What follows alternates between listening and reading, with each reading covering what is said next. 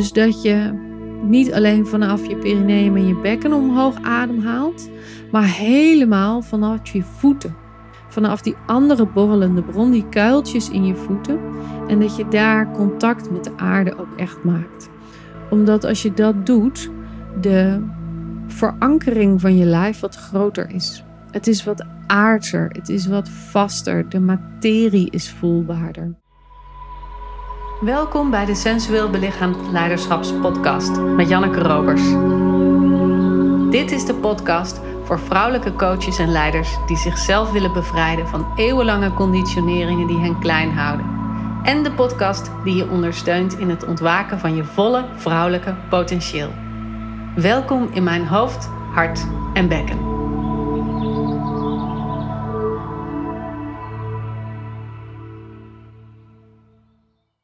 Naar aanleiding van de vorige aflevering kreeg ik een aantal vragen over wat mensen ervaarden in de ademhalingsoefening. Dus daar wil ik deze aflevering wat aandacht aan besteden.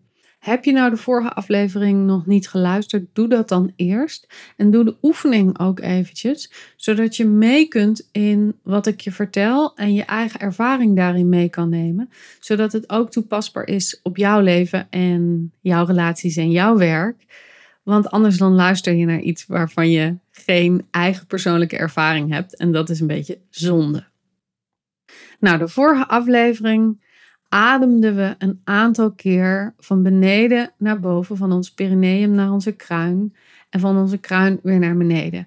Om die verticale verbinding in ons lijf te activeren, om de energie en de ademhaling wat meer naar achter te brengen, om meer ontspanning te creëren en meer gedragenheid te ervaren in ons lijf. En een deel van die oefening ging er ook over dat je sensaties opmerkte in je lijf terwijl je zo ademde.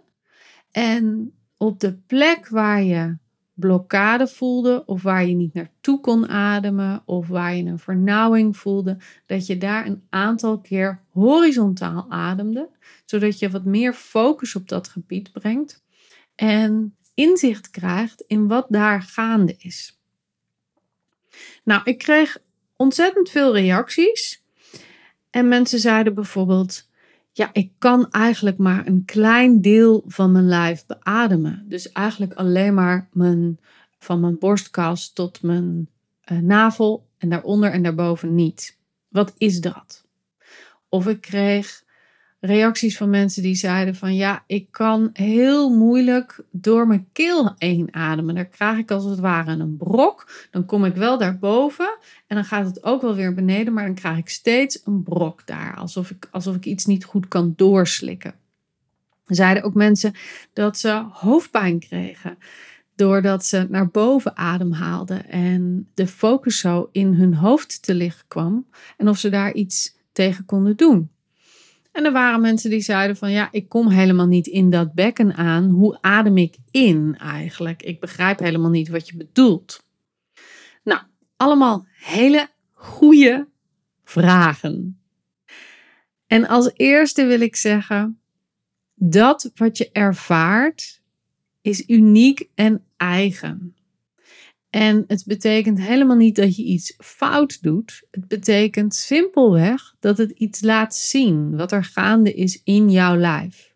Dus het is eigenlijk alleen maar goed, omdat het je inzicht geeft. En omdat het je meer verbinding brengt met dat wat er gaande is. En als tweede, ik kan natuurlijk niet heel precies voelen hoe dat voor jou is, wat jouw ervaring is. Misschien is die vergelijkbaar geweest als de vraag die ik kreeg, misschien was die iets anders. Maar ik denk wel dat er veel overlappingen zijn in de ervaringen van mensen. Dus ik wil deze vijf vragen even beantwoorden. En hopelijk zit er dan ook een antwoord bij dat van toepassing is op jou. En als je nou een eigen vraag hebt, stuur hem dan even naar me. Stuur me gewoon even een DM of een berichtje op LinkedIn. Vind ik helemaal prima. En uh, soms beantwoord ik het dan in de podcast. Of anders stuur ik je even een uh, spraakberichtje terug. Dat kan ook. Heb ik allemaal best wel tijd voor hoor. En vind ik heel erg leuk om te doen. Dus uh, schroom niet. Rijk gewoon even naar me uit. Nou, als eerste, hoe adem je in?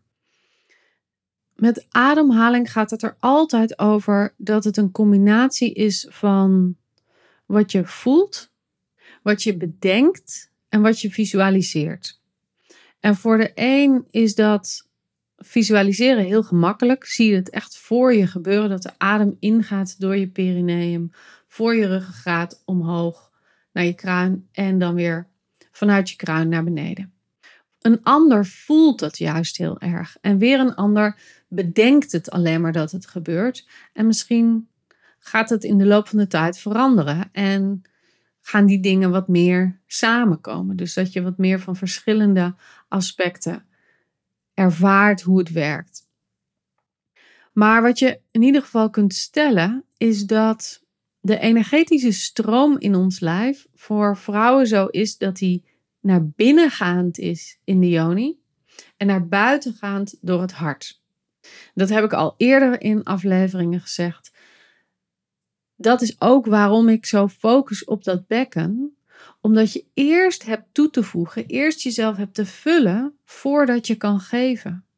Dus je hebt eerst voor je eigen voeding zorg te dragen, voordat je er kan zijn voor je klant of je partner of je geliefde. Dus als je inademt, adem je in door je bekken. En hoe doe je dat dan? Het is een hele, hele mooie vraag. Daar heb ik ook al eerder wat over gezegd. De vraag hoe doe je dat dan? Het antwoord is altijd voel dan. Ik kan je niet zeggen hoe je dat doet. Ik kan alleen vertellen dat de energiestroom zo werkt. En dat als je je ademhaling en je aandacht op een bepaalde plek brengt, de energie daar ook naartoe stroomt. Dus als jij bedenkt dat je een soort zuignapjes hebt aan de onderkant van je perineum, dan werkt dat zo. Dan is dat daar een opening voor jou. Als je bedenkt dat die zuignapjes in de kommetjes van je handen liggen, dan zitten ze daar ook. En als je denkt dat ze in de kommetjes van je voeten liggen, dan zitten ze daar ook. En daar zijn ze, hè? dus in, uh, in het Taoïsme en de Healing Tao zijn dat de borrelende bronnen. De vijf borrelende bronnen in je lijf, waardoor je de energie opneemt. Het gaat wat ver om dat nu allemaal uit te leggen, maar richt je aandacht daarop en kijk of je daar een naar binnen kerende energie kan voelen, bedenken of zien stromen. En dat is hoe het werkt. En dat is dus gewoon waar je in hebt te oefenen. En als je dat nou niet kan ervaren, als je nou zegt er gebeurt helemaal niks als ik dit doe, geef jezelf dan de mogelijkheid om het nog een paar keer te doen en te ervaren wat je dan ervaart. Niets ervaren is ook een ervaring. Dat het misschien nam aanvoelt, of een beetje doods, of leeg, of dof, is ook een ervaring. Dat betekent namelijk dat dat stuk van je lijf nog niet zo sensitief is als de rest van je lijf kan zijn. Het betekent dat daar door ervaring of door geschiedenis of door trauma wat leven uit teruggetrokken is om het te beschermen. En om wat minder last te hebben van de impact die daar binnenkwam. En wat dat vraagt, is dat er gewoon net iets meer verzachting, wat meer aandacht, wat meer ontspannenheid, wat meer rust en wat meer focus naartoe mag. Dus voel je niet zoveel, oefen dan gewoon en merk op wat er door de oefening heen verandert. Want er verandert altijd iets. Of het nou is dat er prikkeling komt of warmte komt, of dat de blokkade groter wordt, dat zou ook kunnen. Of dat je juist op gevoelsmatige basis of, of emotionele basis iets gaat voelen. Er verandert door oefening altijd wat, want we zijn geen constante. Wij zijn altijd in, aan verandering onderhevig. Dus in zo'n oefening gebeurt dat ook. Dus geef jezelf gewoon de ruimte dan. Een andere vraag ging over hoofdpijn. En hoofdpijn is eigenlijk wel een onderdeel apart hoofdpijn is vaak een uiting van dat er opgebouwde energie naar een bepaalde plek toestroomt in je hoofd waar het geen ontlading, geen ontspanning kan krijgen, geen doorstroming kan krijgen. Dus als je in die ademhalingsoefening merkt dat je hoofdpijn krijgt, wat er dan gebeurt, is dat de omhoogstromende energie groter is dan de naar beneden stromende energie. En dat betekent dus dat je je meer mag focussen op de ontspanning, op de vastigheid in je lijf, want dat is het onderste gedeelte van je lijf, hè? en de naar beneden gerichte energie. Wat helpt is dan ook je handen over je lijf meenemen.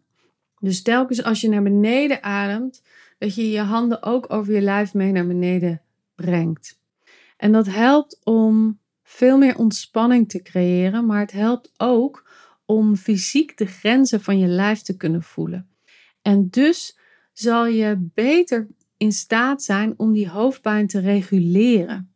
Want het is een vorm van overdruk, als het ware. En dat betekent dus dat er ergens daarvoor geen grens gevoeld is en je er overheen bent gegaan. Dus dat vraagt om veel beter grenzen te voelen en te, en te respecteren ook vooral.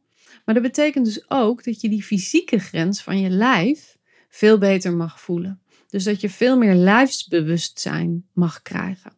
En dat vraagt dus ook aanraking van je lijf, want je huid is namelijk de grootste fysieke grens van je lijf. En hoe meer je bewust bent van de scheiding tussen jouw binnenkant en dat wat er buiten jou is, dus veel bewuster bent van jouw fysieke grens, hoe meer je ook gaat merken wanneer je over je emotionele grenzen heen gaat. Bijvoorbeeld wanneer je het te lang laat duren dat een kind dreint. Of wanneer je een klant te lang zijn riedel laat doen. Of wanneer je met een vriendin aan het kletsen bent en ze alleen maar aan het klagen is. Dat ga je dan veel eerder voelen omdat je je eigen fysieke grens veel beter voelt. En dus ook in de gaten hebt waar je emotionele en je energetische grens overgegaan wordt. En dat heeft dus ook met deze ademhaling te maken. Als je dus merkt dat je hoofdpijn krijgt in deze ademhaling, die verticale ademhaling, dat vraagt dus meer gronding in je lijf en meer contact met de aarde. Dus nu ik dit zo aan het vertellen ben, denk ik ook, ja, dat betekent dus ook dat je je ademhaling mag uitbreiden. Dus dat je niet alleen vanaf je perineum en je bekken omhoog ademhaalt, maar helemaal vanaf je voeten. Vanaf die andere borrelende bron, die kuiltjes in je voeten. En dat je daar contact met de aarde ook echt maakt. Omdat als je dat doet, de verankering van je lijf wat groter is. Het is wat aardser, het is wat vaster, de materie is voelbaarder. En dat is dus de andere kant van de polariteit. Hè? Dus de hoofdpijn zit in het stuk waar jouw energie licht en etherisch is, waarin er veel denken is, waarin er actiegerichtheid is, waarin misschien ook wel creativiteit zit, waar de voortgaande beweging is, waar de mannelijke energie zit. En wat je daar dus tegenover hebt te stellen, is meer ruimte, meer ontspanning, meer gronding, meer materie, meer aardsheid. Suiker eten is bijvoorbeeld ook een hele goede als je hoofdpijn hebt. Suikergrond. En er zijn er natuurlijk allerlei variaties van suiker. Je kunt het ongezonde kristalsuiker eten en je kunt een dadel eten. Er zitten allerlei variaties in. Maar het heeft hetzelfde effect op je lijf. Het zorgt dat je lijf wat aardser wordt. En het helpt dus tegen hoofdpijn. Nou, de derde vraag was: ik heb een brok in mijn keel als ik verticaal ademhaal en steeds als ik daar langs kom voel ik die. Nou wil ik niet precies antwoord geven op die brok in die keel, maar antwoord geven op de vraag: ik voel ergens een druk als ik er langs adem. Want je kunt een brok in je keel hebben, maar je kunt ook een zwaarte op je borstkas voelen. Je kunt ook in je solarplexus voelen van, oh, daar, daar doet die ademhaling een loopje, daar wil die niet langs.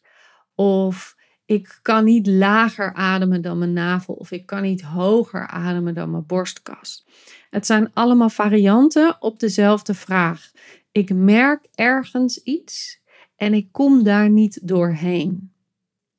Nou, wat dit zegt, is dat er in dat deel van je lijf een. Ja, ik wil weer het woord blokkade zeggen, maar ik dacht, ik bedenk iets anders dan blokkade.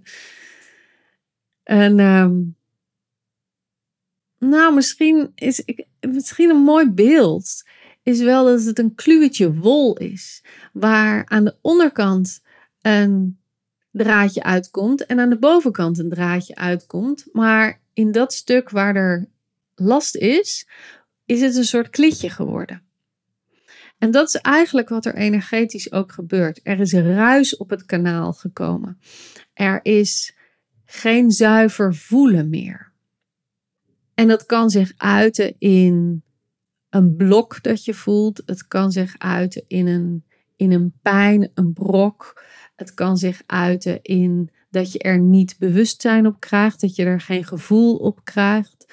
Het kan zich uiten in dat je de neiging hebt om er omheen te gaan. Nou, zoals die, al die dingen die ik net ook al zei.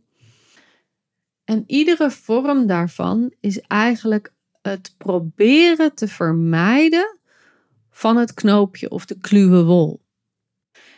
En wat je met een knoopje of een kluwe wol ook doet, is dat je hem gaat ontpluizen, ontrafelen. Je gaat het bolletje wol uittrekken en die knoopjes eruit halen, zodat je hem weer goed kan oprollen. Nou, en dat is ook waar je toe uitgenodigd wordt met deze ademhaling als je dat ervaart.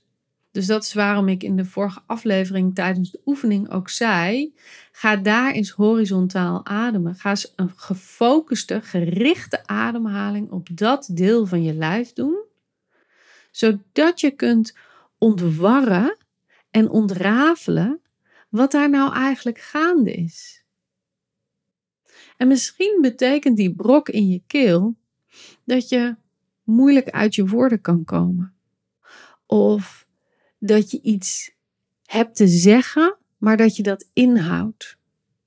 Of dat je bang bent dat je hoofd op een hakblok gelegd wordt als je opkomt voor jouw waarheid.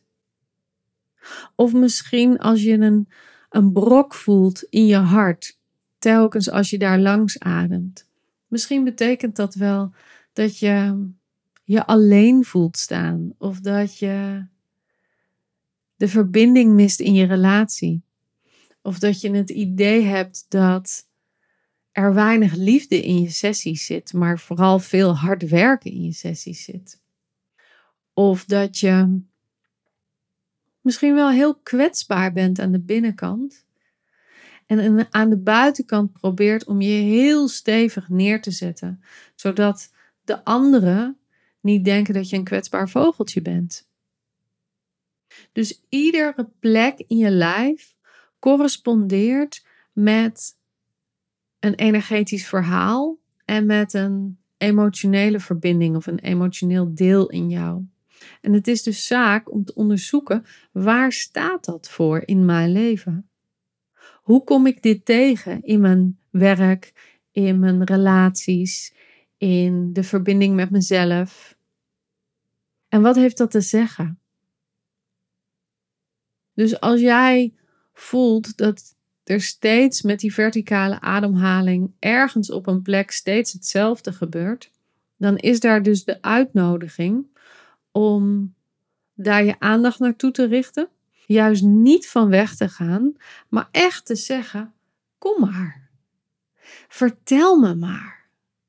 Wat is er in dit deel van mijn lijf aanwezig? Wat gebeurt hier? Wat heb je me te bieden? Wat heb je me te zeggen? En niet door er een push of een duw aan te geven, niet door door te douwen, maar echt door daar meer ruimte te creëren. En dat is wat die horizontale gefocuste ademhaling op dat punt van je lijf ook doet. Ademhaling brengt meer ruimte. Dus als je een ontspannen, zachte, horizontale ademhaling daar doet, dan zeg je als het ware: hey, ik heb hier een bedje en kom daar maar in liggen. En ga maar even rusten. En als je dat hebt gedaan, misschien word je dan wakker en heb je iets te vertellen tegen me. En dan ben ik er om naar je te luisteren. Eigenlijk is dat wat je doet met dat deel van je lijf. Als, een wa als het ware een soort, nou ja, bijna een sessie met je lijf als klant en jij als beddinggever, als luisteraar, als warm welkom. En als degene die uiteindelijk heel gefocust kan zeggen: Oh, dus je doet dit en dit en dit. En je ervaart dat en dat en dat. En hoe heeft dat dan te maken met dit patroon in je leven? Of heb je er al zo naar gekeken? Je ontrafelt als het ware de linken die er zijn. Nou, dan was er ook nog een vraag. Ik kan alleen in een bepaald gebied ademen. Ik kom niet bijvoorbeeld onder mijn navel of ik kom niet boven mijn hartgebied. Alleen maar in dat borstgebied. Ik blijf hoog ademhalen. Nou, misschien heb je al een antwoord gekregen door de drie andere vragen. Want dat heeft daar natuurlijk ook veel mee te maken met proberen, met oefenen, met jezelf ruimte geven, met dus ervaren dat bepaalde delen van jouw lijf nog niet toegankelijk zijn. En jezelf af te vragen: oké, waarom zijn deze delen niet toegankelijk? Wat heeft dat me te zeggen? En waarom ben ik dus nam of doods of niet levend aanwezig in die delen? En voor je bekkengebied betekent dat vaak dat er of geen verankering in het lijf is, geen incarnatie in het lijf. Het is zo leuk als je babytjes, jonge babytjes hebt, om die echt in je hand te laten zitten, als het ware, zodat ze echt naar hun billen toegetrokken worden. En echt kunnen landen in dat lijf. En echt kunnen aankomen in deze 3D-wereld. Want we hebben nou helemaal een lijf gekregen, dus we kunnen er maar beter echt in landen. Dat is de ervaring die we hier hebben. En misschien is dat nog niet helemaal gebeurd. Het kan ook zijn dat je te maken hebt gehad met veel grensoverschrijding. En het bekkengebied slaat dat allemaal op. Het kan zowel gaan over fysieke grensoverschrijding in het bekkengebied, maar het kan ook gaan over andere grensoverschrijding. Bijvoorbeeld in dat er over je hartsgrenzen heen is gegaan, of je energetische grenzen, of dat iemand onterecht met je omging. Of dat iemand niet naar je luisterde toen je wat te vertellen had. Echt allemaal andere vormen van grensoverschrijding. Die zetten zich ook vast in dat bekkengebied. Als het ware sluit je joni zich af van de buitenwereld en zegt: Ik wil er niets meer mee te maken hebben. En ik ben dus niet meer toegankelijk. En dat zorgt ervoor dat je niet kan inademen door je bekken, maar dat je dus ook weinig voeding tot je krijgt. Weinig gevuldheid, weinig levendigheid, weinig levenslust kan ervaren. Dus dan is het zaak om bezig te gaan met dat stuk waar grensoverschrijding plaats heeft gevonden. En daar heling naartoe te brengen. Nou, de vraag van ik kan niet hoger ademen dan mijn borst heeft natuurlijk ook te maken met het antwoord dat ik al gaf over de hoofdpijn. Maar het heeft ook te maken met vertrouwen. Vertrouw ik erop dat als ik hoger adem, dat als ik hoger in de energie ga, in het etherische stuk, dat ik dan nog steeds verbinding met de vaste aardse consistentie heb? Vertrouw ik erop dat als ik in de ene kant van de polariteit zit, dat ik dan ook nog verbinding met de andere kant van de polariteit heb. Of denk ik dat ik dan wegschiet? Denk ik dat ik dan verdwijn? Denk ik dat ik dan niet meer terugkom? Dus dat gaat over een stuk angst in je leven. En dan is het zaak om te onderzoeken waar zit die angst, waar komt die door, waar wordt die door getriggerd en hoe geef ik mezelf dan meer stevigheid daarin en help ik mezelf om niet in de angstriedel te gaan, maar in het vertrouwen te gaan. Dus misschien betekent dat dat je langzaam maar zeker de ruimte van die ademhaling wat oprekt. Misschien betekent dat dat je tegen de muur aan gaat leunen als je de ademhaling doet, zodat je steeds verbinding hebt met iets vasts, met iets stevigs, met iets aards. Liggend op de aarde is ook altijd heel fijn om deze ademhaling te doen.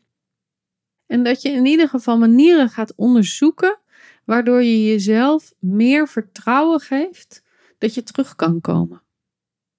En dat je dus niet verdwijnt. Nou, ik hoop dat ik met het beantwoorden van deze vier vragen ook een antwoord heb gegeven op misschien een vraag die er bij jou opkwam naar aanleiding van de vorige aflevering.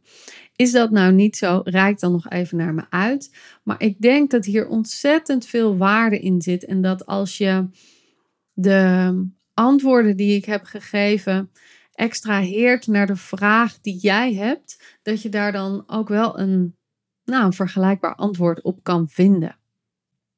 Ik wens je ontzettend veel plezier met de ademhaling.